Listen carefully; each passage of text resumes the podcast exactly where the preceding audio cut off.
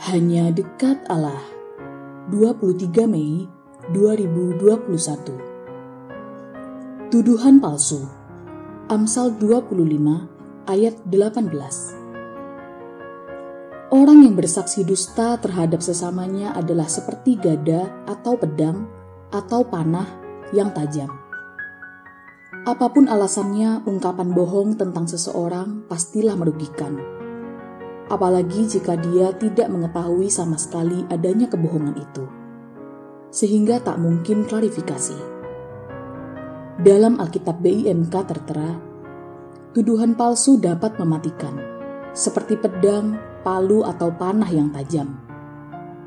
Mungkin itu sebabnya muncul adagium, fitnah lebih kejam dari pembunuhan. Kalau orang mati dibunuh, dia sudah tidak ada di dunia. Tetapi orang yang difitnah, meski masih hidup, dia merasa sudah mati. Jika tidak kuat, dia bisa menjadi gila atau mengambil jalan bunuh diri. Bagaimana jika kita menerima, misalnya melalui WhatsApp, kabar buruk tentang seseorang?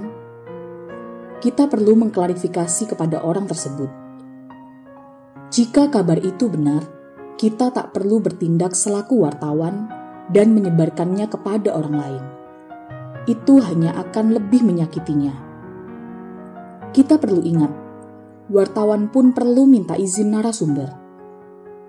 Namun, jika kabar itu salah, kita perlu memberitahu kepada si pengirim WhatsApp untuk tidak menyebarkannya lagi dan mendorong dia untuk melakukan klarifikasi kepada orang yang telah dikiriminya kabar. Hanya dengan cara beginilah, tuduhan palsu itu tidak terus tersebar. Salam semangat dari kami, literatur perkantas nasional, sahabat Anda bertumbuh.